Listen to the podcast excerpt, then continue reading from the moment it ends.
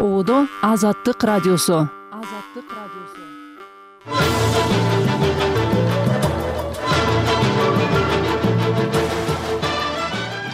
Жогорку кеңеш ломбард иши жөнүндө мыйзамга өзгөртүүнү караган мыйзам долбоорун экинчи окууда кабыл алды.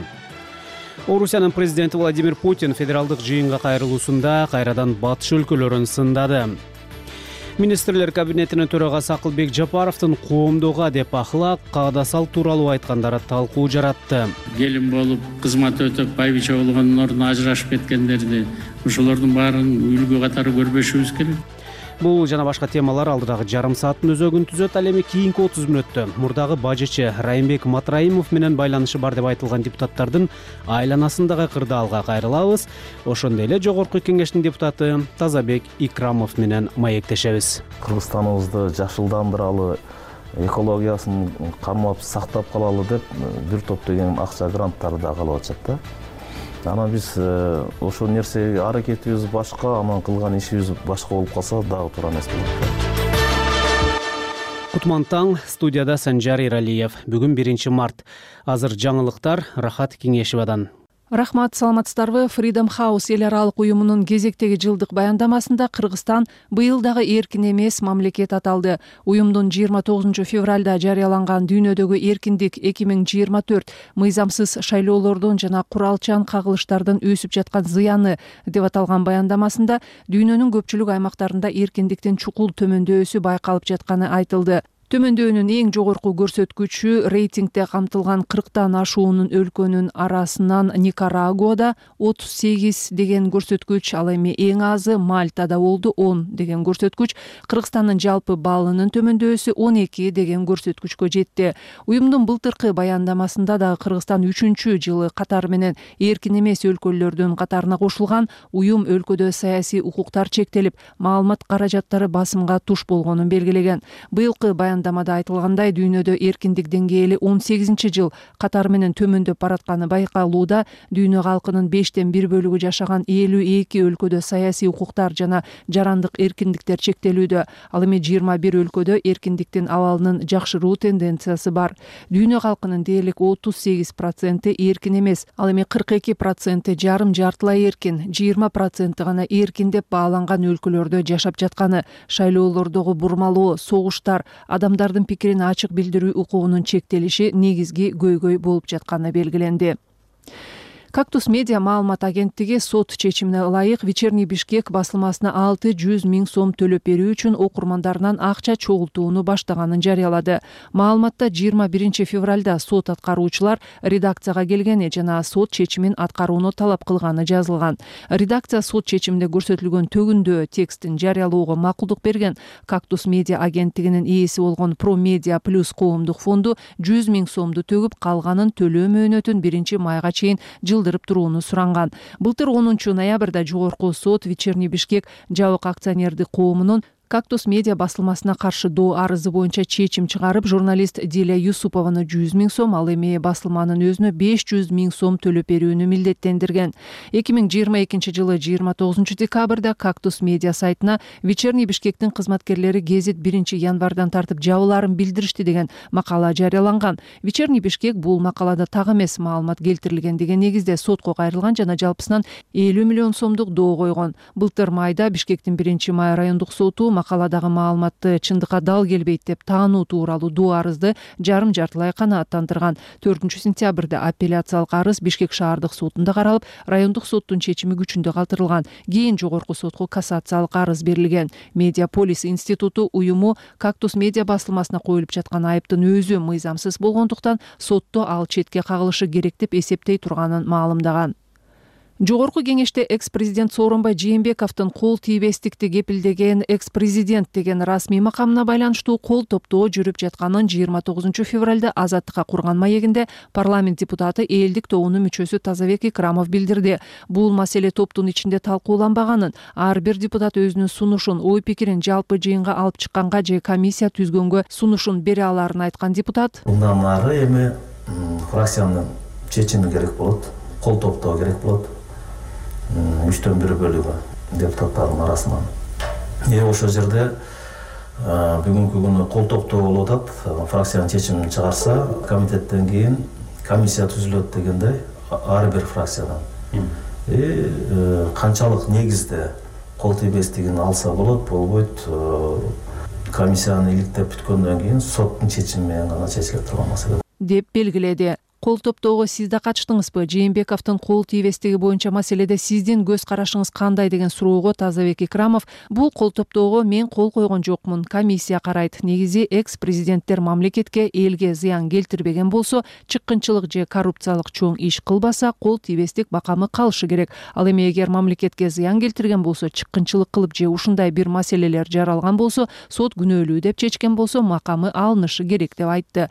Жыйырма сегизинчи февралда жогорку кеңештин депутаты элдик депутаттык тобунун төрагасы акылбек түмөнбаев парламентте сооронбай жээнбековду экс президент макамынан ажыратуу демилгесин көтөрүп депутаттык комиссия түзүүнү сунуш кылган. Ал бажы кызматынын төрагасынын мурдагы орун басары издөөдө жүргөн райымбек матраимов менен байланышы бар адамдар мамлекеттик кызматтан алынып жатканын айтып сооронбай жээнбековдун да ал менен байланышы бар экенин айткан болчу. Депутат түмөнбаевдин демилгеси тууралуу экс президент өзү комментарий бере элек кыргызстан үчүн бүгүнкү күндө эң олуттуу көйгөйлөрдүн бири жумушсуздук экенин эл аралык республикалык институт уюмунун тапшырмасы боюнча жүргүзүлгөн сурамжылоого катышкан кыргызстандыктар белгилешти. Сурамжылоонун жыйынтыгы кечээ жыйырма тогузунчу февралда жарыяланды. Респонденттердин жыйырма жети процентинин негизги көйгөй деп баалардын жогорулугун жыйырма проценти жумушсуздукту он проценти коррупцияны үч проценти турак жай маселесин эки проценти миграцияны аташкан жумушсуздук сиз жана сиздин үй бүлөңүз үчүн кайсы көйгөй эң олуттуу болуп саналат деген суроого берилген жооптордун сап башына чыкты. Жумушсуздук жеке көйгөй экенин айткандар былтыр он беш процент болсо быйыл жыйырма беш процент болду. Калк арасындагы жумушсуздук боюнча расмий көрсөткүч менен эл аралык уюмдардын эсебинде дайыма айырмачылык болуп келет. Буга адистердин айтымында жумушсуздардын расмий каттоого толук турбаганы себеп. Расмий эсепте жумушсуздук беш проценттин тегерегинде деп айтылып келсе эл аралык валюта фондунун маалыматы боюнча бул көрсөткүч тогуз проценттин тегерегинде кыргызстандык сууда сүзүүчү денис петрашов филиппиндин нью кларк сити шаарында өтүп жаткан азия чемпионатында экинчи алтын медалын утту жыйырма тогузунчу февралда спортчу брас ыкмасы менен эки жүз метрге сүзүүдө финалда эки мүнөт он сегиз бүтүн жүздөн сексен тогуз секундада келип алтын медалга ээ болду. Бул аралыктагы мелдешке сегиз суучул катышты.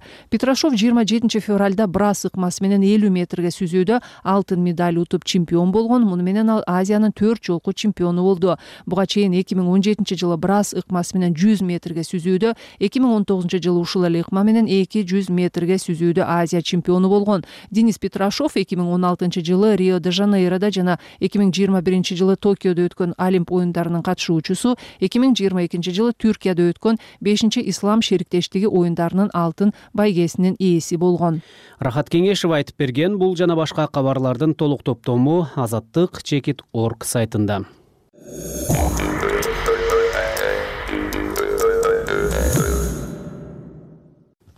жыйырма тогузунчу февралда жогорку кеңеш ломбард иши жөнүндө мыйзамга өзгөртүүнү караган мыйзам долбоорун экинчи окууда кабыл алды.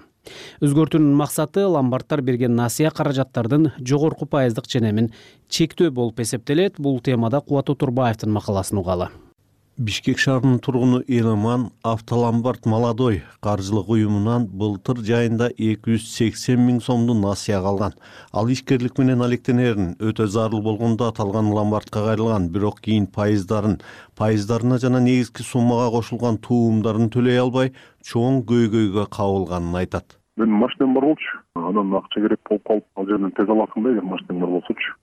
Ошол жерден акчаны аргасыз болдум проблемалар болуп калыпчы банктарга же болбосо башка компанияларга кайрылсаң алар көп убакыт документтер бир айга чейин созулуп кетет да. Тигиңди алып кел муңду алып кел деп атчы анан булардан алгам автоломбард молодой деген эки жүз сексен миң сом да. Алган. Сумманычы машиненин баасы он миң доллар ошол эмеге жеткирип эле мисалы эки жүз сексен миңден аштырып эле булар машинени алабыз да максаты ушундай экен. Мага окшогондор көп экен. Ошо ошондо мен азаттыкка да кайрылгам. Деген пикирин билдирди элеман. Биз өзүн руслан деп тааныштырган автоломбард молодой ломбардынын менеджери менен байланыштык. Анын айтымында каржылык уюм тийиштүү лицензияны белгиленген тартип менен алып мыйзамдын алкагында иштеп келатышканын насиянын пайызы укуктук талаадагы рынокто колдонулуп жаткан ченемдин чегинде экенин айтып элеман алган акчасын бербей иш сотко өткөнүн билдирди. Ал кезде алган алган просто алып ал кайтаргысы келбей эле мындай болуп атат тигиндей болуп атат деп эле өзүчө салып эме кылган ал боюнча биз сотко кайрылганбыз азыр соттук өндүрүш бар. Бул төлөгөн эмес төлөбөгөнчө бул өстүрүп жүрө берген ар кандай шылтоолорду айтып машинасын сураган айдап турайын деп ага деле бергенбиз. Ошону менен он даже скрывает жогорку кеңеште айтылган маалымат боюнча өлкөдө төрт жүз жыйырма төрт ломбард катталган. Жакында өткөн текшерүүлөрдүн жыйынтыгы менен жүз кырк төрт ломбарддын иши убактылуу токтотулду. Он экиси такыр жоюлду деди. Финансы рыногун жөнгө салуу жана көзөмөлдөө мамлекеттик кызматынын төрагасы марат пирназаров э, ломбарддарга нарушение кылган үчүн штрафтар салынган анан андан сырткары лицензияларын токтотуу боюнча жүз кырк төрт ломбарддын лицензиясы токтотулган. Онго жакын ломбарддын лицензиясы вообще деятельность прекращение кылып аннулировать этилген. Өткөн жылдын аягында улуттук коопсуздук мамлекеттик кызматынын төрагасы камчыбек ташиев ломбарддардын пайыздык өлчөмү ашыкча болуп эл андан жабыркап жатканын жакырчылыктагы өлкө коопсуздугуна коркунуч келтирерин айткан болчу ломбарддардын берген проценттерин карап отурсаң төбө чачың тик турат. Ломбарддардан акчаны ким алат? Жөнөкөй адам алат. Акчага өтө муктаж тез аранын ичинде акча табышка аракет кылган көзү чачырап турган жалдырап турган адам барып ошол ломбарддан акча алат. Бирок ломбард анын үстүнө дагы бир нече жүздөгөн проценттерди коюп туруп аны дагы эзет.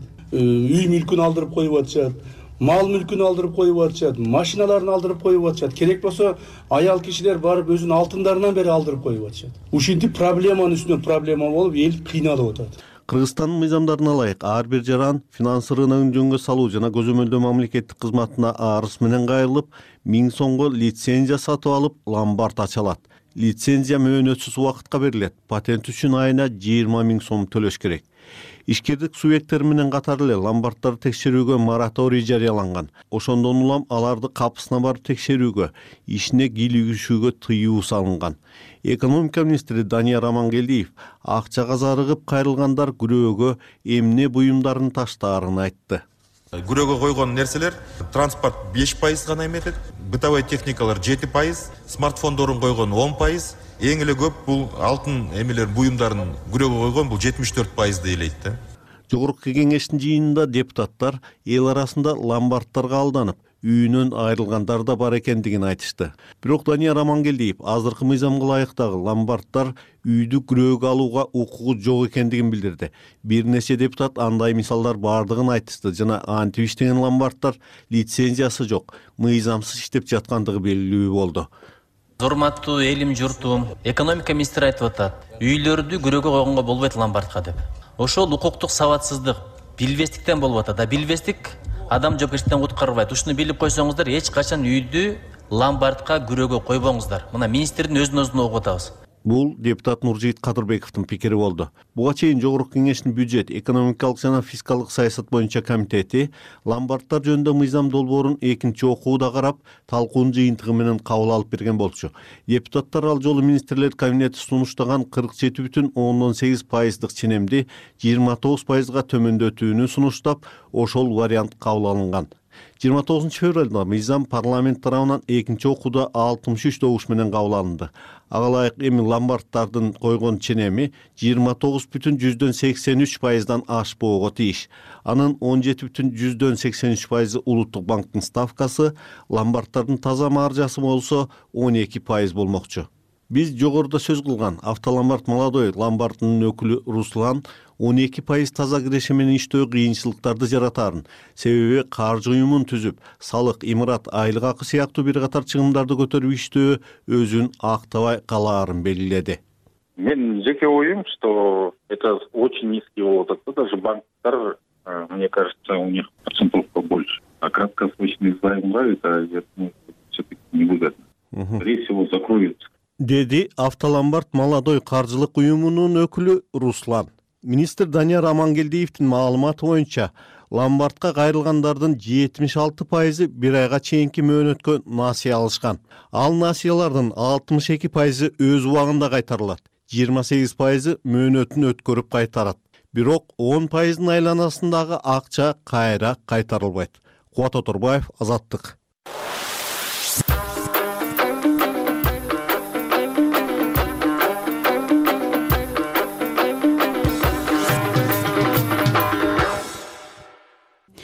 орусиялык компаниялар эки миң жыйырма экинчи жыйырма үчүнчү жылдары москва дос өлкө деп санаган мамлекеттерде он бир миңден ашуун филиал ачканын известия басылмасы финион финансылык компаниясынын баяндамасына таянып жазды. Анын ичинде кыргызстанда төрт жүз элүү филиал ачышканы айтылат. эки миң жыйырма экинчи жылы орус аскерлери украинага басып киргенден бери москвага улам жаңы санкциялар салынууда. Бул чаралардын көбү финансылык чектөөлөр. Кыргызстанга кандай компаниялар филиалын ачты кыргызстандын рыногу жана казынасы үчүн ал пайдалуубу өлкө экономикасынын коопсуздугуна жараткан тобокелдиги кандай? Бул суроолорго кабарчыбыз кубатбек айбашев жооп издеди орусиядагы финион компаниясынын талдоосу боюнча орус компаниялары кыргызстандан тышкары сербияда тогуз миң бириккен араб эмирликтеринде бир миң алты жүзгө чукул жана арменияда сегиз жүз өкүлчүлүгүн ачышкан. Финансылык консалтингке адистешкен бул компания талдоону орусиянын экономика министрлигинен алган чет өлкөлөрдө ачылган бизнес өкүлчүлүктөр тууралуу маалыматтарына таянып жасаган. Алар көбүнчө айти логистика жана кызмат көрсөтүү тармактарында ачылган изилдөөдө орусиялыктар кыргызстандагы кеңселерин көбүнчө товарды алуу процессин тездетүү үчүн ачып жатышканы айтылат. Муну менен катар үчүнчү өлкөлөрдөн товар алып келүүдө логистиканы жөнөкөйлөтүү себеби да бар. Кыргызстанда финансы боюнча кеңешчилик бизнеси менен алып михаил жуховицкий аттуу жаран орусиялыктарга кыргыз жарандыгын алып берүүдөгү ортомчулук кызматы тууралуу социалдык тармактардагы баракчасына байма бай жазып келет. Аларда орусиянын ишкерлери менен ири компаниялары кыргызстанга кантип жер которуп жатканы тууралуу маалыматтар көп кыргызстандын жарандыгы боюнча кеп кеңештерге барган сайын ири деңгээлдеги бизнестин ээлери көп кайрылып башташты. Ушул жумада ар кандай айти монстрлардын көп миллиарддуу компаниялардын кожоюндары кайрылышты. Аларды дароо эле бизнесин жарым жартылай жер котортуу бишкек эркин экономикалык аймакта юридикалык жактарды ачуу салыктык жеңилдиктер криптовалюта боюнча мыйзамдар жана башкалар кызыктырып жатат бүгүнкү күнгө карай жогорку технологиялар паркында мурда орусиянын айти тармагында иштеген жүздөгөн компаниялар миңдеген кызматкерлери менен бар. Деп жазган он экинчи февралдагы соңку постунда. Орус армиясы украинага кол салгандан тарта орусиялыктардын кыргызстанга ири агымы пайда болгон. Осо kg порталынын отчету боюнча эки миң жыйырма экинчи жылы кыргызстанда чет элдиктердин катышуусунда эки миң алты жүз тогуз фирма катталган андан бир жыл мурда бул көрсөткүч бир миң бир жүз отуз тогуз болчу. Соңку эки жыл ичинде жаңы катталган фирмалардын олуттуу бөлүгүн орусиялыктар катышкан ишканалар түзөт. Алардын айрымдары экспорт импорт менен шугулданып жатышканын ондоп жана жүз миллиондоп төгүп жаткан салыктар менен бажы төлөмдөрүнөн көрсө болот. Журналисттик иликтөөлөр эки миң жыйырма экинчи жылдын мартынан кийин кыргызстанда орусиялыктар катышкан жүздөгөн компаниялар ачылганын жана алардын айрымдары орусияга кош багыттагы санкциялык товарларды өткөрүп турганын аныктаган эки жыл аралыгында ошондой фирмалардын жетөө батыштын санкциясына кабылды. Евро биримдик менен акшнын бийликтери кыргыз өкмөтүнө эл аралык санкциянын эрежелерин бекем сактоого тынымсыз чакырып келет. Бишкектеги жөнөкөй чечимдер кеңсеси аналитикалык борборунун жетекчиси жапар усенов кыргызстанга жайгашып алып эл аралык компаниялар менен кызматташуусун улантып жаткан орусиялык компаниялар бар экенин белгилейт. Бирок алардын айынан жалпы кыргызстандын башына санкциялык булуттардын айланышы менен макул эместигин айтат да действительно есть компании которые вошли на наш рынок. Ооба чындыгында биздин рынокко кирген компаниялар бар. Азыр катталып жатышат. Ошол эле маалда алардын тамыры орусияда жайгашкан. Алар биздин бир кыйла либералдуу мыйзамдарыбызды колдонуп үчүнчү өлкөлөргө реэкспорт жасап жатышат. Мындай көрүнүш бар. Орусиялыктар бул жака келип компанияларды ачып кандайдыр бир товарларды көп санда алып келип жатышса европалык өндүрүшчүлөр ал товардын кайда кетип жатканын ойлонушу зарыл. Эмне кыргызстан ушундай эле чоң өлкөбү бул жакта компанияларды ачып жаткан орусиялыктардын ишканалары алар менен мурда деле иштеп келген. Болгону орусиядан иштешкен. Алар болгону тигил жактагы компанияларын жаап салып бизге келип башкасын ачып алышты. Санкцияны болсо кыргызстанга салгысы келишет менимче бул жерде кандайдыр бир адилетсиздик бар. Но санкции хотят на кыргызстан ввести я думаю что здесь есть некая несправедливость. Эки миң жыйырма экинчи жылдын февралынан бери туташ санкцияларга кабылып эл аралык коомчулуктан оочуланып калган орусия өзүнө дос өлкөлөр аркылуу жарыш импортун ишке киргизген. Дос өлкөлөрдүн ичинде кыргызстан да бар эки жылда кыргызстандын батыштан импорту кескин өстү. Эки миң жыйырма экинчи жылдагы соода саттыктын статистикасында орусияга экспорт эки жарым эсеге көбөйүп анын олуттуу бөлүгү жеңил өнөр жай жана электрондук товарлардын экспортунан турары байкалган. Кубатбек айбашов азаттык. Орусиянын президенти владимир путин жыйырма тогузунчу февралда федералдык жыйынга кайрылуусунда кайрадан батыш өлкөлөрүн кескин сынга алды ал батыш украинага аскер жөнөтсө кесепети трагедиялуу болоорун айтты. Буга чейин франциянын демилгеси менен парижде украина маселеси боюнча европадагы жыйырма өлкөнүн акшнын канаданын лидерлери жана өкүлдөрү катышкан саммит өткөн. Анда өлкө президенти эммануэль макрон украинага аскер жөнөтүү ыктымалдыгы боюнча азыр бир пикир жоктугун бирок андайды жокко чыгаруу да болбой турганын билдирген эле. Кененирээк айгерим акылбековадан угалы владимир путин федералдык жыйынга кайрылуусун украина маселесинен баштады. Орусия азыр өз суверенитети жана коопсуздугу үчүн адилет күрөш жүргүзүп жатат деген путин орус күчтөрүнүн украинага басып киргенин орусиялыктардын абсолюттук көпчүлүгү колдогонун айтты. Кремль эки жылдан ашкан согушту атайын аскердик операция деп атап канча киши жоготконун айтпай келет. Путин парламенттеги эки сааттан ашык сөзүндө батыш өлкөлөрүн кайрадан сынга алды. Заговорили о возможности отправки на украину нато батыш орусия европага кол салганы жатат деп жалганды улантууда. Бул болбогон сөз. Украинага нато контингентин жөнөтүү тууралуу айта башташты. Бирок контингенттин жөнөткөндөрдүн тагдыры эмне болгону биздин эсибизде эми интервенттер үчүн кесепеттер ал да канча трагедиялуу болот. Бизде да алардын аймагын бутага алууга жөндөмдүү курал жарагыбыз бар. Поражать цели на их территории. Ошондой эле владимир путин орусиянын жаңы куралдануусу тууралуу айтып жакында күчөрмө нөөмөттө турган райондордогу сармат оор баллистикалык ракеталары көрсөтүлөрүн убада кылды анын айтымында стратегиялык ядролук күчтөр кепилденген колдонууга толук даяр абалда турушат. Орус президенти батыш ойдон чыгарып айтып дүйнөнү коркутуп жатканынын баары ядролук курал колдонуучу конфликтти тутандырышы ыктымал реалдуу коркунуч экенин белгиледи. Путин ошол эле кезде кайрылуусунда бир катар жаңы улуттук долбоорлорду жарыялады. Анын айтымында үй бүлө долбоорун алкагында балалуу үй бүлөлөрдү колдоо программалары үчүн кеминде жетимиш беш миллиард рубль бөлүнөт. Ошол эле кезде үй бүлөлүк ипотекалык программаны эки миң отузунчу жылга чейин узартууну энелик капиталды төлөөнү сунуштап жатканын да белгиледи. жыйырма алтынчы февралда парижде франциянын демилгеси менен европадагы жыйырма өлкөнүн акшнын канаданын өкүлдөрү украинадагы жагдайды талкуулаган анда орусиянын кол салуусуна каршы туруу үчүн украинага орто жана алыс аралыкка жетүүчү ракета жана бомба жөнөтүү максатында коалиция түзүү макулдашылганын француз президенти эммануэль макрон билдирген. Ошондой эле макрон украинага аскер жөнөтүү ыктымалдыгы боюнча азыр бир пикир жоктугун бирок андайды жокко чыгаруу да болбой турганын кошумчалаган эле. Аскер жиберүүнүн айрым элементтерин актай турган коопсуздук зарылчылыгы жаралып калышы мүмкүн экенин жокко чыгарбашыбыз керек макрондун бул билдирүүсүнөн көп узабай германиянын улуу британиянын испаниянын польшанын жана чехиянын өкмөт башчылары украинанын аймагына өз өлкөлөрүнүн аскерлерин киргизүү мүмкүнчүлүгүн жокко чыгарышты. Натонун баш катчысы йенс столтенберг да альянстын украинага аскерлерин жайгаштыруу планы жок экенин баса белгилеген. Эки саатка созулган кайрылуусунда орус президенти владимир путин анын келишсиз оппоненти алексей навальный тууралуу үн каткан жок. Ал арада европарламент навальныйдын өлүмүн адам өлтүрүү деп атаган резолюцияны кабыл алып муну жеке путиндин жоопкерчилигине жүктөдү.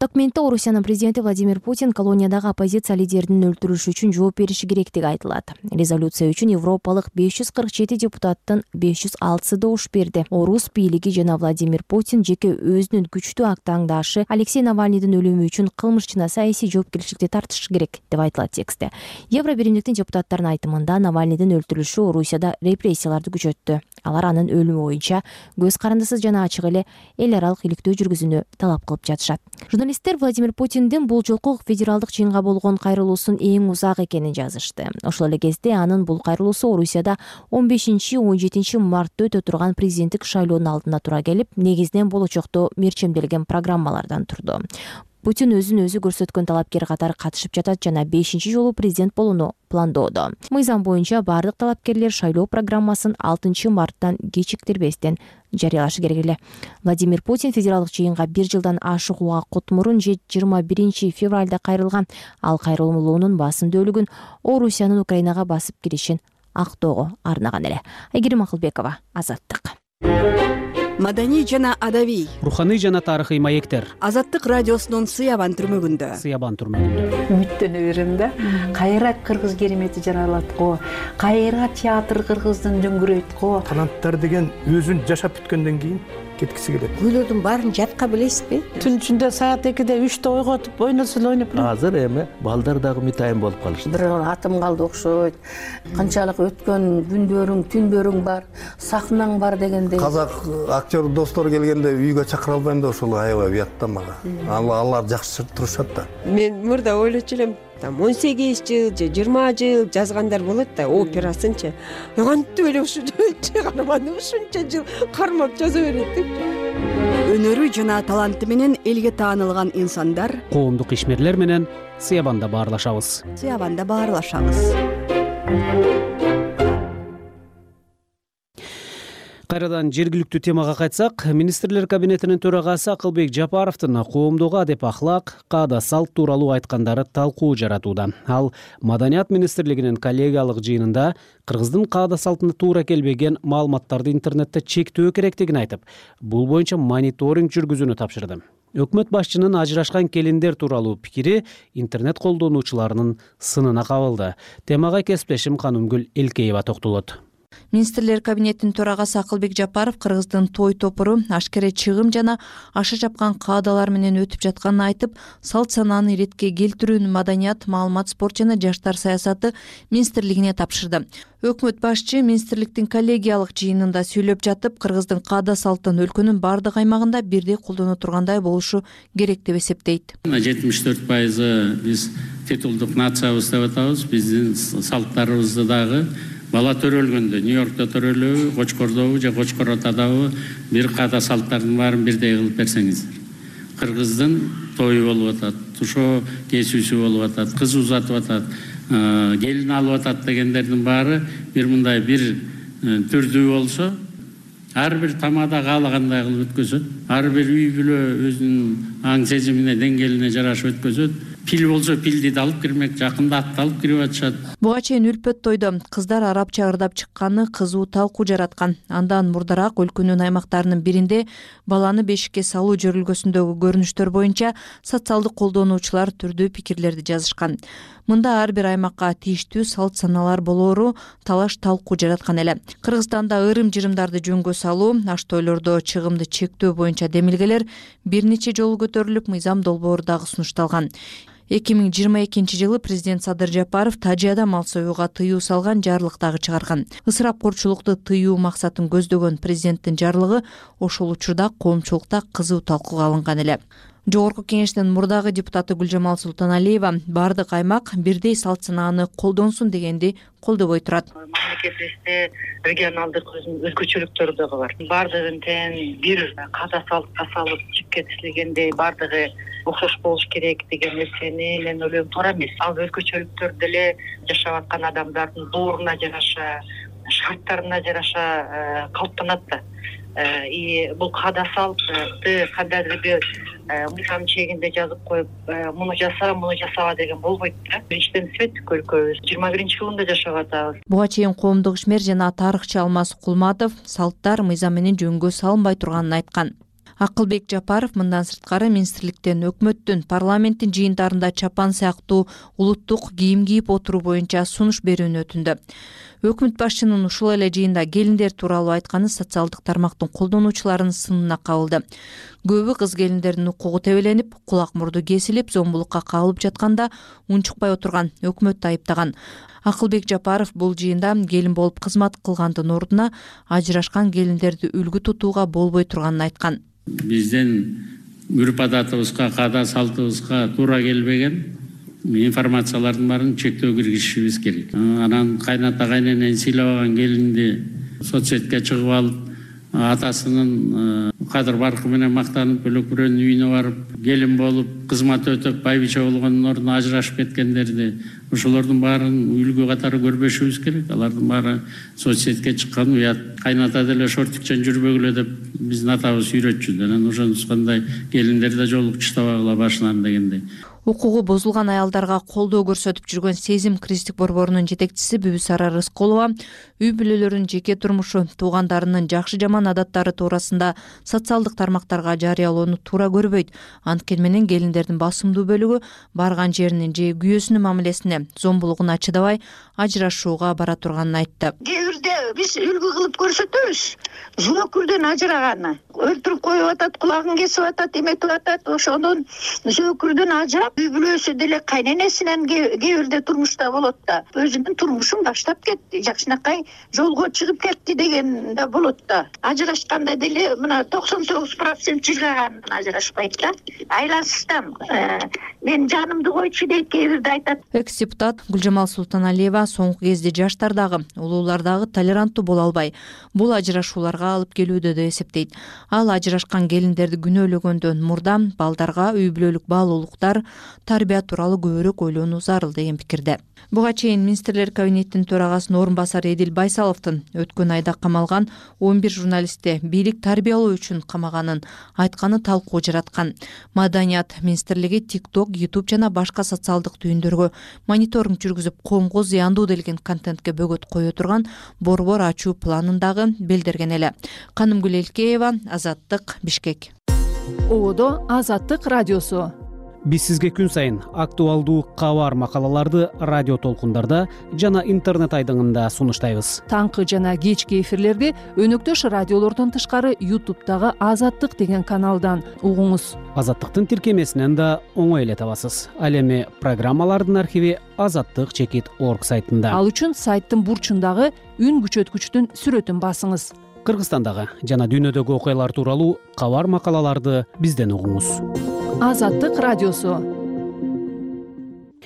Жогорку кеңештин депутаттары шайлообек атазов менен айбек осмонов акы төлөнбөгөн эмгек өргүүгө чыкты. Осмонов сыртта дарыланып жүргөнүн билдирди. Атазов болсо комментарий бере элек буга чейин алардын аты атайын кызматтын төрагасы камчыбек ташиевке ыктаганы айтылып жүргөн регион телеканалында райымбек матраимов менен жакындыгы бар деген депутаттардын арасында аталган алар кетиш керек деген бир катар материалдар берилген. Буга чейин парламентте мандатын мөөнөтүнөн мурда тапшырган камакка алынган депутаттар дагы болгон. Жогорку кеңештеги соңку окуяларга элеонора бейшенбек кызы токтолот.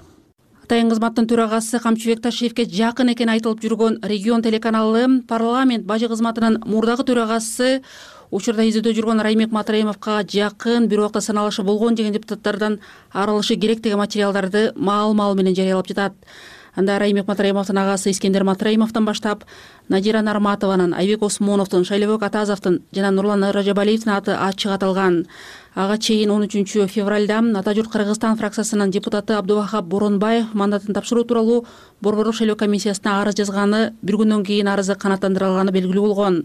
Президентке караштуу антикоррупциялык ишкерлер кеңешинин мүчөсү ялкын даутов регион телеканалына берген маегинде тазалоо жогорку кеңештин депутаттарына жеткенин билдирген. Коррупцияга аралашкан мурунку чиновниктердин тааныштары жакындары депутат болуп жогорку кеңеште отурат. Кечээ биз көрдүк боронбаев өзү каалоосу менен арыз жазып депутаттыктан кетти.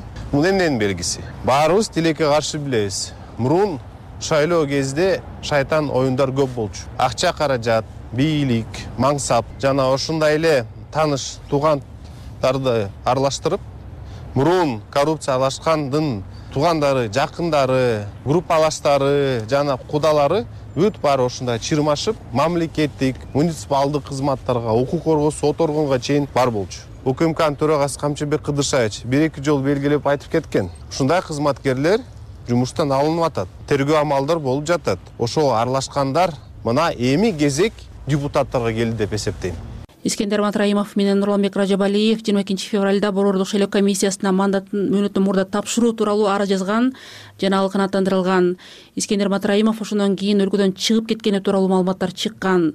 Көп узабай бийликке жакын жалпы коо маалымдоо каражаттары социалдык тармактын колдонуучулары айбек осмонов менен шайлообек атазов дагы сыртта экенин жазып чыгышты.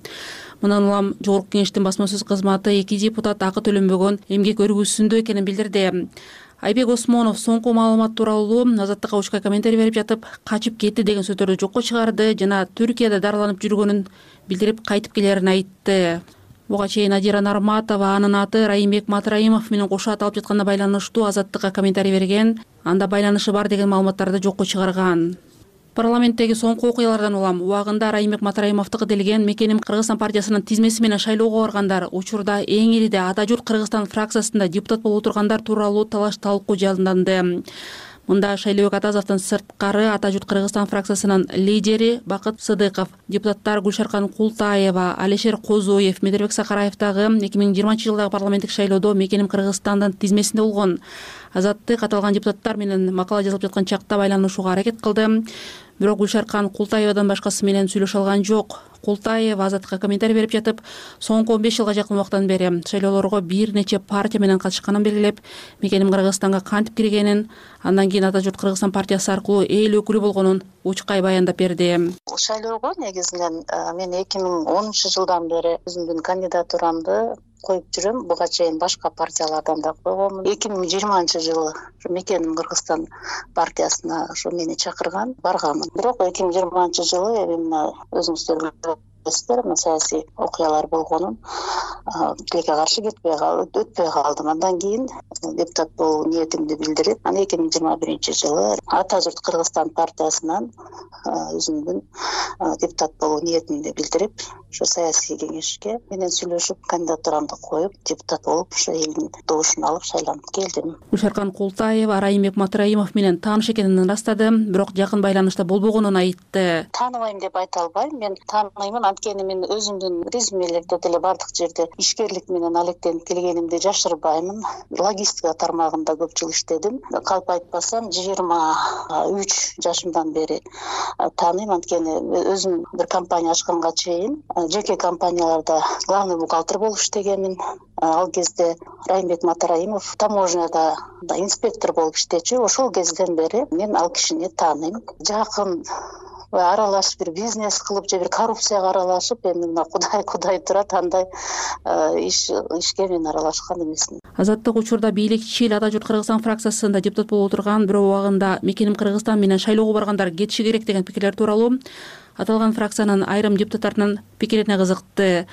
Кундузбек сулайманов алардын маселеси фракцияда каралбай турганын айтты. Ушундай бир суроолорду элестетем бирөө үчүн жооп беришим керек да азырчы фракцияда карайсыздарбы анткени эми коомчулукта талкуу болуп атат да. фракцияда каралбайт ал фракцияда каралбайт болуш керек. Пока андай маалымат жок. Кайсы негизде кайсы мыйзамдын чегинде аны укук коргоо органдары бар дегендей э, ошолордон сүрөттөсөңүз болот деген менен жарандык активист мукай керимбаев матраимов менен азыр көптүр мамилелеш болуп жүргөн делген айрым депутаттардын аты аталбай жатканында кош стандарттуулук жок деп эсептейт.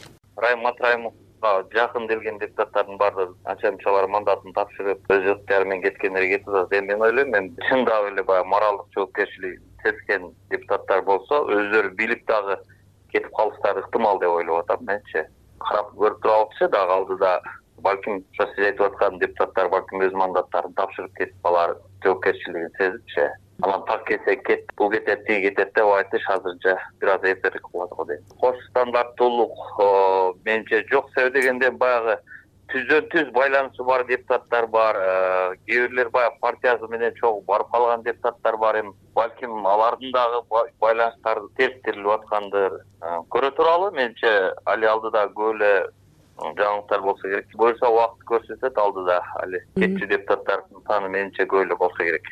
Кезинде мекеним кыргызстандын тизмесинде болгон учурда башка фракциялардан депутат болгондор дагы бар. Мисалы ынтымак фракциясынын лидери марлен маматалиев альянс фракциясынан депутат гүлкан молдобаева бүтүн кыргызстан фракциясынан депутат алишер эрбаев дагы бул партия менен шайлоого катышкан. Маматалиев жардамчысы аркылуу биздин суроону уккандан кийин жооп берген жок талдоочу төлөгөн келибаевдин баамында соңку окуялардан кийин чуулгандуу иштерде коррупцияга шек саналган адамдар менен кошо аты аталгандарды тазалоо үчүн люстрация мыйзамы керек. Айланасында мындай жүргөндө депутаттан кетиш керек деген негизинен туура эле. Алардын жардамы менен алардын каржылоосу менен депутат болгонубуз факты чын бирок аларды э, кетиш керек деген сөз менен эле э, алар кетип калбаш керек да анын кетиштин жолдору. Эгерде алардын үстүнөн кылмыш иши козголсо мыйзамдуу болот мунун баардыгын мыйзамдаштырыштын жолу бул люстрация мыйзамын кабыл алыш керек. Ошондо гана баардыгына чектип коюлат ошондо гана баардык орду ордуна түшөт ага чейин сен кет мен кет бул кетсин деген сөз менен биз кыргызстан оңолбойбуз мындан кийин деле кайра эле азыркы бийлик мөөнөтү бүтүп кеткенден кийин кайра эле азыркы ошо кеткен адамдар кайра келип алышы мүмкүн сотто кайра акталышы мүмкүн конфискация болгон мүлктөрүн кайра кайтарып алышы мүмкүн. Вот ошон үчүн баардыгын люстрация мыйзамын кабыл алышыбыз керек. Коррупция боюнча аралашкан анабыздын жакындары бир туугандары үй бүлө мүчөлөрү депутат мамлекеттик кызматка аралашпайт деген талаптарды киргизишибиз керек. Эң жакшы люстрация мыйзамды кабыл алыш керек дагы ошондо кимдер кетиш керек ошонун баардыгы жазылыш керек. Ошондой эле парламент дагы кыргызстандын бийлиги дагы тазаланат. Жогорку кеңештин азыркы чыгарылышында депутаттар камалган учурлар дагы катталды. Альянс фракциясынан депутат болгон эмил жамгырчиев өткөн айда кармалып ушул айдын башында кайра үй камагына чыккан башкы прокурор курманкул зулушев былтыр жыл аягында парламенттен жамгырчиевди чек арадан мыйзамсыз өткөн деген негизде козголгон кылмыш ишинин негизинде жоопко тартууга уруксат сураган. Депутаттык комиссия тогузунчу январда макулдук берген. Жамгырчиев ошол күнү терезеден качып кеткени белгилүү болгон ал эми учурда бишкектеги биринчи май райондук сотунда бүтүн кыргызстан фракциясынын камактагы лидери адахан мадумаровдун соту болуп жатат. Мадумаровго негизинен эки кылмыш иши козголгон бирок бир өндүрүшкө бириктирилген биринчиси чек арага байланыштуу протокол тууралуу экинчиси чыңгыз абдымомунов аттуу адамдын арызынын негизинде ачылган. Мадумаров былтыр сентябрда кармалган ошондон бери улуттук коопсуздук комитетинин убактылуу кармоочу жайында жатат. Өзүнүн камалышын саясий куугунтук катары сыпаттап келет мадумаров камалгандан кийин анын айрым фракциялаштарынын үн катпай келгени ал тургай бийликке ыктаган учурлары партия куруу шайлоодо тизме түзүүгө байланыштуу талаш талкууну жандантты. Саясатталоочу орозбек молдалиев шайлоо өңдүү саясий жараяндарда акча негизги ролду ойноп келгенин белгиледи. Учурда парламентти тазалоо аракеттеринде кош стандарттуулуктун белгилери байкалып жатканын айтты. Шайлоого даярдануу партия түзүү деген бул жөнөкөй эле бир жумуш эмес. Биринчи маселе эмне дегенде каражат маселесин чечиш керек болот. Ага офис керек болот агитаторлор керек болот көп чыгым талап кыла турган жумуш. Анан ошондо эле карайлаган там сюжет болуп эле анан барып акчалууларга барышат. Ар кандай жол менен акчалуу болгондор бар? Биздикиндей өткөн мезгилде ак эмгеги менен байыгандар бир саналуу эле кишилер болот алар анан ошонун самый яркий болуп мына райым миллионду айтып атышпайбы классический болуп калды да эми баягы акчалуу киши болгондон кийин анан ага барып партиясын түзө баштайт. Бул эми негизи мыйзам нерсе?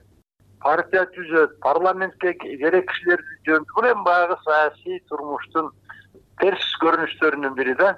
Парламенттин азыркы чакырылышында эки депутаттын диплому тууралуу маселе чыгып мандатынан ажырады.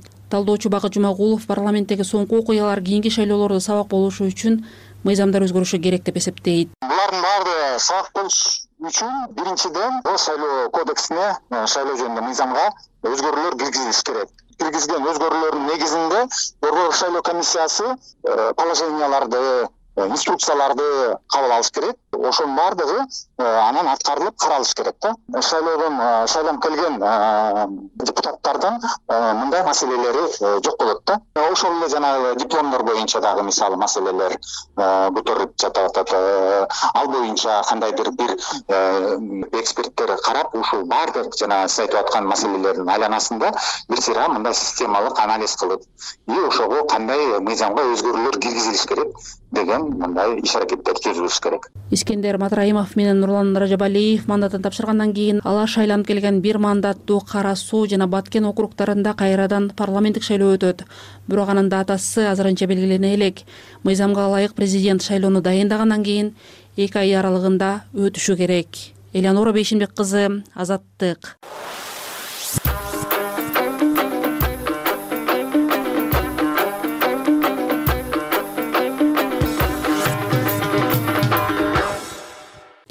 эми жогорку кеңештин депутаты тазабек икрамов менен маектүү калы ал парламенттин абалы бийлик менен мамилеси уран маселесине байланыштуу суроолорго жооп берди. Интервьюнун толугун азаттыктын ютубтагы каналынан көрсөңүз болот. Суроолорду айбек бийбосонов узаткан.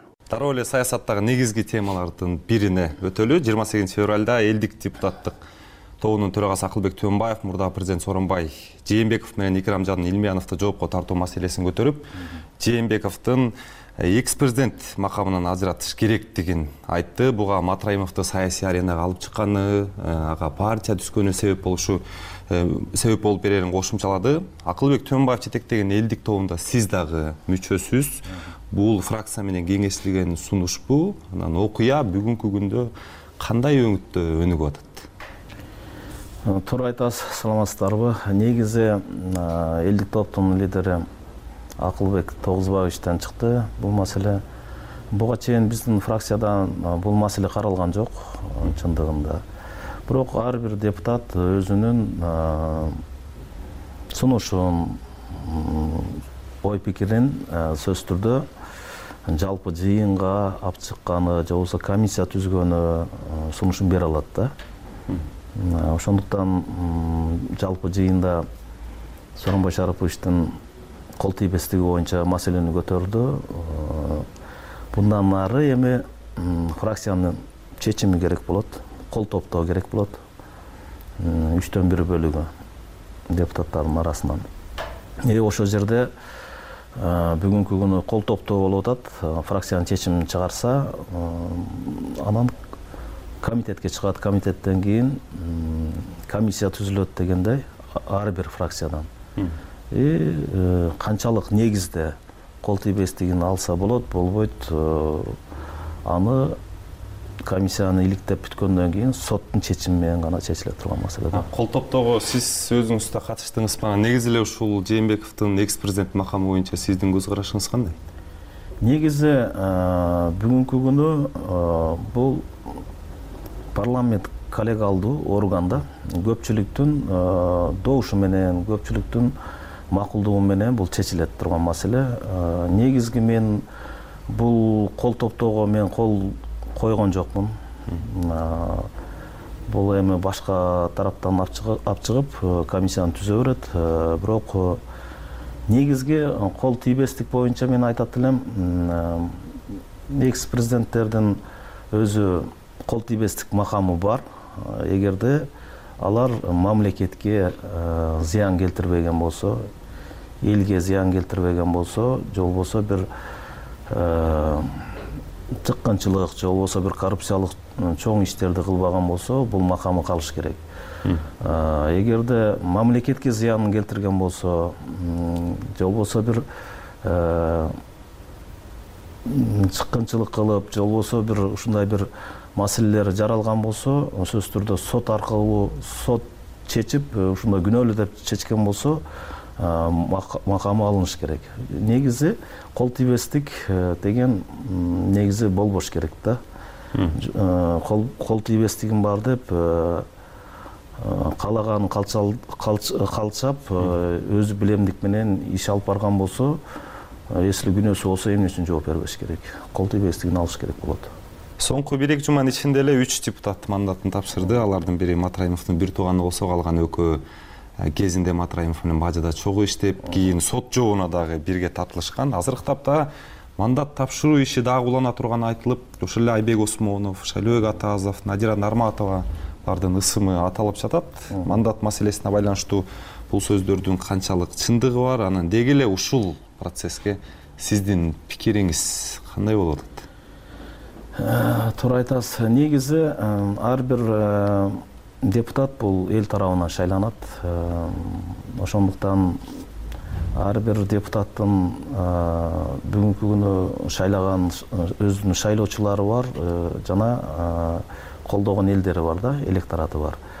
Бүгүнкү күнү мен эми мандатын тапшырып кеткен коллегаларым алардын өз пикири мен алар үчүн бирдеме деп пикиримди айта албайм. Сөзсүз түрдө алар өзүнүн ар бир адамдын өзүнүн жазган арызын же болбосо тапшырган мандаты боюнча мен пикир бергенден алысмын булардын өзүнүн каалоосу бул эл тарабынан мандатын тапшырылсын деп жана мындан ары да депутаттык мандатыны тапшыруу тапшырыш керек деген мындай бир сөз болуп кетип атканда мен айтат элем бирок ушулар райым атраимов менен канчалык деңгээлде мамилеси бар. Э, райым атраимов менен ошо бир э, коррупциялык иштерди кылдыбы же э, кылмыштуу бир ишти кылганына жараша жумушту алып барыш керек да негизи. А мен бул жерде бир эле мен өзүм бүгүн эртең менен дагы өзүмдүн пикиримди айттым. Айбек осмонов боюнча жаздыңыз. Боюнча мен бул э, айбек осмоновду бир тууганы нурбек э, осмоновду мен булар жаштайынан жакшы эле тааныйм билем. Ошондуктан буну бүгүнкү күнү райым матраимовго мындай жабыштырып атканы бир мындай туура эмес деп айтат элем да. Бул өздөрү пешене тери менен мээнет кылып мындай бизнес тармагынан чыккан бүгүнкү күнү бунун мандатын алып кое тургандай бул мамлекетке бир зыян келтирген же болбосо мамлекеттик жумушта туруп бир коррупциялык иштерге аралашпаган деп мен айта алат элем да. Ошондуктан мандатты бир гана булардын шайлоочулары өздөрү чакыртып алышы мүмкүн же болбосо өздөрү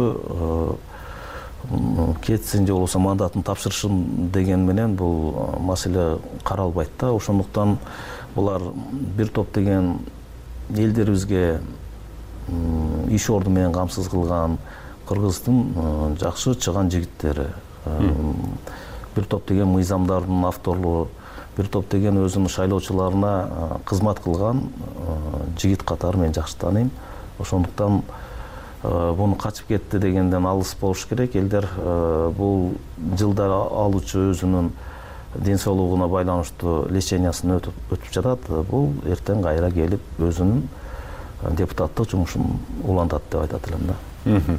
Азыркы тапта ушул эле кошумча суроо кайсы бир депутатка бийлик тарабынан мандатыңды тапшыр деген мажбурлоо болуп атышы мүмкүнбү мен эми аны биле албайм. Андай кимге болуп атканын менин кабарым жок. Бирок ушуну билиш керек. Ар бир депутат э, эгер мандатын тапшыра турган болсо өзүнүн каалоосу менен тапшырат тапшыра алат. Же болбосо эгерде бир кылмыш кылган болсо кылмыштын үстүнөн кармалган болсо э, ошондо гана ага иш козголуп э, ошондо дагы соттон далилделип гана ошондон мандаттын мандаты гана алынат да. Ошондой. Рахмат. Тазабек мырза сиздин азыркы саясий көз карашыңызды кандай деп сыпаттасак болот? Анткени акыркы учурда толугу менен бийликке лоялдуу болгон депутаттардын шартында же болбосо депутаттардын фонунда сизди оппозиционер саясатчы катары көргөндөр да бар. Мындай ойго өкмөткө бийликтин айрым аракеттери боюнча айткан билдирүүлөрүңүз дагы ушинтип ойлогонго түрткү болуп жатат да. Мен бүгүнкү күнү бүгүнкү бийлик бүгүнкү өкмөт башчыга мен буларга мен душман эмесмин. Болгону биз өз милдетибизди аткарып атабыз биз аткарып атканыбыздын негизги максаты биз биз эл менен биз мамлекетпиз да биздин бүгүнкү күнү бизди шайлаган элдер менен биздин мамлекетте жашап аткан элдерибиздин көйгөйүн биз сөзсүз түрдө айтып турушубуз керек. Алардын нааразычылыгын же болбосо эл менен эсептеш керек да. Бизде кыргыздарда эле ошо жакшы макал бар. Эл менен болсоң сен бийиксиң да элден чыксаң кийиксиң деп. Ошондуктан ар дайым элдин пикирин менен э, келишип ошолор менен э, ортодо бир э, калыс жумуштарды алып барышыбыз керек да. Жок мен өзүм билем бийлик колумда же болбосо биз айткандай болот дегенден алыс болуш керек да. Ошондуктан мен буларды азыркы айтып аткан нерселерим эң бир бул элдердин көйгөйүн гана көтөрүп атам. Ошондуктан ошону туура кабыл алыш керек дагы туура эмес жагын оңдош керек э, туура жагын тууралап кете бериш керек деп айтат элем да. Тазабек мырза жакынкы учурда ушул жогорку кеңешке дагы бир талаштуу документ келип түшүшү мүмкүн бул ошол уранга байланыштуу. Мына сиз баардыгыбыз кабардарбыз жакында эле ошол балыкчыда президент эл менен жолугуп балыкчыга жакын жайгашкан кызыл омпон кенин казуу демилгесин көтөрдү. Бул экономикалык жактан пайдасы болорун кумтөр экинчи кумтөргө айлана турганы дагы айтылып атат. Ошол эле учурда каршыдагы пикир бар. Ошондо уран казууга мораторий киргизилген эки миң он тогузунчу жылдагы мораторийди жогорку кеңеш аркылуу жокко чыгарыла турганын айтты. Бул боюнча сиздин пикириңиз кандай? Анан негизи эле ушул уран темасында эмнелер эске алынышы керек деп ойлойсуз? Эң туура бүгүнкү күнкү көйгөй ушул жерде эки миң он тогузунчу жылы бул маселе көтөрүлүп активисттер тарабынан анан ошо жалпы палатага депутаттар аркылуу чыккан. Ошондо алмамет шыкмаматов дагы алтынбек алтынбек сулайманов бул маселени көтөрүп алып чыгышкан алып чыкканда ошол жерде жогорку кеңеште депутаттардын мыйзамдуу долбоорун бекитип бергенбиз. Мораторий болуп ал жерде казылбаш керек деген чечим чыккан. Бүгүнкү күнү бул маселени мына экинчи кумтөр болот же болбосо бул жерде мынча байлык бар дегенге мен бүгүн дагы мен каршымын. Мен өзүмдүн ой пикирим боюнча мен каршымын. Бүгүнкү күнү дүйнө жүзү экологияны сакташ үчүн жашылдандыруу үчүн ушунчалык бир мындай аракеттери чоң болуп атат да. Биз биздин эле ошо биздин мамлекетибиз деле бир топ деген организацияларга чыгып биздин кыргызстаныбызды жашылдандыралы экологиясын кармап сактап калалы деп бир топ деген акча гранттарды дагы алып атышат да. Анан биз ошол нерсеге аракетибиз башка анан кылган ишибиз башка болуп калса дагы туура эмес болот да кыргызстанды биз туризм менен өнүктүрсөк болот. Этно туризмдерди өнүктүрүп биздин берметтей болгон ысык көлүбүздү ошол жерге туристтерди мындан ары өнүктүрүп өстүргөнү мына өздөрү айтып аткандай асман шаарын салабыз деп атат. Эгерде уран эртең казыла баштаса асман шаар же болбосо бир турист дегендер келбейт да кимдир эле бул жака ушул маселеге келет. Андан көрө биз э, басымды туризмге ошол жака коюшубуз керек болот да. Тазабек мырза мен соңку суроолордун э, бирин узатайын. Мына январь айында он бир журналист камалып мындан тышкары жыйырма төрт kg агенттигинин кеңсеси дагы жабылды. Мындан тышкары социалдык тармактарда пикирлер үчүн камакка алынгандардын саны дагы э, аз эмес. Кемпир абад иши боюнча камалгандардын окуясы дагы аягына чыга элек. Анан негизи эле ушундай камоолор боюнча пикириңиз кандай? Анан ушундай процесстер ушундай окуялар кандай жыйынтыкталышы керек деп ойлойсуз? Мен э, буга чейин да өз пикиримди айткам э, сөзсүз түрдө бүгүнкү күнү э, он бир журналисттер журналист камалып отурат бүгүнкү күнү алардын сот иштери Э, кандай жүрүп жатканынан кабарым жок бирок э, негедир э, бир ушундай бир камоолор жана өз ой пикирин айткан жарандар мындай көбөйдү да. Ошол эле желек боюнча айткан жигиттер ошол эле өз ой пикирин айткан же болбосо мындай буга чейинки мындай массовый э, журналисттерди камоо э, буга чейин болгон эмес да. Ошондуктан бул э, сөзсүз түрдө ойлондура турган нерсе бул эми коомчулукту ойлондура турган нерсе бир эле нерсе болуп калды. Азыр сүйлөгөн же болбосо бир мындай айткан адамдардын баардыгын эле мындай душман катары көрүп калыш бул туура эмес нерсе. Ошондуктан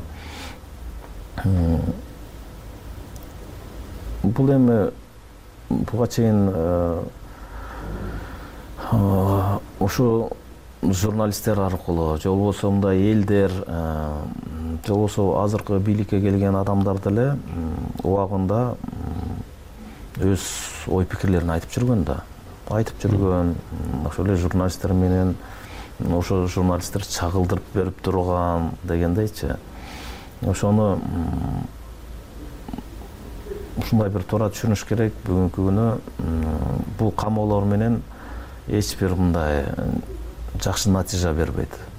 Кемпир абадчылар боюнча деле мына кемпир абадтын маселеси чечилди кемпир абадтын маселеси бүттү ушулар менен деле бир ортого бир мындай чечимге келип булардын сотун эртелетип э, бүтүрүп үй камагына чыгарыппы же бир э, маселени караса болот да. Желек боюнча отурган жигитти деле желек кабыл алынды. Мына ушул маселени деле бир ортодо чечип алып барыш керек да. Эми жалпысынан мындай түшүндүрүү иштери менен жана анан келишим менен бир чече турган маселелер көп да камоо менен жакшы иш болбойт деп айтат элем жогорку кеңештин депутаты тазабек икрамов менен айбек бийбосуновдун маегин уктуңуз интервьюнун толук версиясы азаттыктын ютубтагы каналында. Азаттык социалдык түйүндөрдө фейсбукта кыргыз азаттык үналгысы threads жана инстаграмда азаттык чекит kg тиктокто азаттык чекит орг. Телеграмда жана твиттерде азаттык радиосу. Ал эми орусча баракчаларды азаттык медиа деп издеңиз. Дүйнөдөгү жана кыргызстандагы окуяларга биз менен бирге назар салыңыз. Жаңылыктар макалалар талдоолор видео жана сүрөт баяндар сиздин алаканда ушуну менен биринчи марттагы таңкы программаны жыйынтыктайбыз. Азаттык радиосунун эфирин мен санжар эралиев сунуштадым. Аман болуңуз